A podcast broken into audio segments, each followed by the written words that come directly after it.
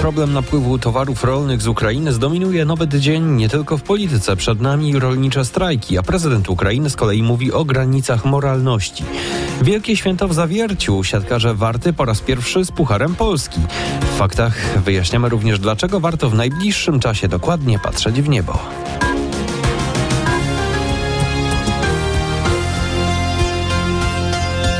Będziemy dalej rozmawiać z Komisją Europejską i stroną ukraińską. Tak, wiceminister spraw zagranicznych Andrzej Szejna odpowiada na pytania naszego dziennikarza o problem napływu towarów rolnych z Ukrainy. Właśnie w tej sprawie od wielu tygodni protestują rolnicy. Przed nami konsultacje polsko-ukraińskie 20 marca i do tego czasu e, staramy się tak ukształtować nasze negocjacje w Unii Europejskiej, żeby cała Unia Europejska stanęła po stronie polskich, ale nie tylko też włoskich, hiszpańskich, niemieckich rolników. Potrzebne są odważne decyzje o wstrzymaniu importu konkretnych towarów, odpowiada europosłanka PiS Anna Zalewska. E, Zachęcamy, żeby podejmować takie e, decyzje, dlatego że one są umocowane również e, w traktatach. Wystarczy odwaga ze strony polskiego rządu, bo gniew rolników eskaluje nie tylko polskich, ale fr- francuskich, belgijskich, niemieckich, hiszpańskich. Oni też mówią o granicy polsko-ukraińskiej. Wczoraj rolnicy protestowali m.in. na drodze ekspresowej S8 w okolicy Sieradza. Prezydent Ukrainy oświadczył w niedzielę, że sytuacja na polskiej granicy już dawno przekroczyła granice ekonomii i moralności. Nie da się wyjaśnić, jak można skomplikowaną sytuację krwawiącego kraju wykorzystać w wewnętrznej walce politycznej, powiedział Wołodymyr Zełański. Unijne miliardy, wakacje od rad, decyzja w sprawie stóp procentowych i konferencja prezesa NBP. Takie czekają nas w nowym tygodniu sprawy dotyczące polskiej gospodarki. Więcej o tym opowie Michał Gardias z redakcji ekonomicznej RMFFM. W najbliższych dniach na pewno dużo będzie mówiło się o Krajowym Planie Odbudowy, który w czwartek odblokowała nam Komisja Europejska. To 137 miliardów euro, czyli niemal 600 miliardów złotych. We wtorek o 11 rusza posiedzenie Rady Ministrów. W porządku obrad punkt pierwszy, czyli najważniejszy, zmiana ustawy o wsparciu tych, którzy zaciągnęli kredyt mieszkaniowy i znajdują się w trudnej sytuacji finansowej.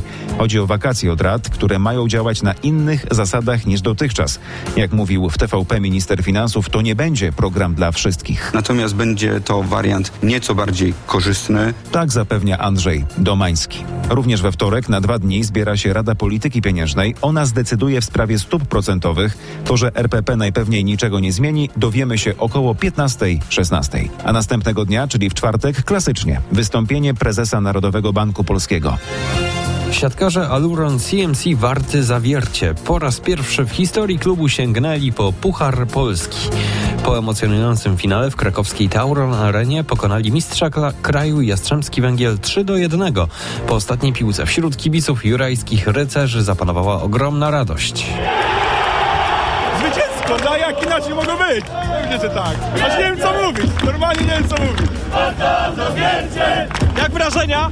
Wrażenia bardzo fajne, bardzo dobry mecz i oczywiście wygrany dla Zawiercia.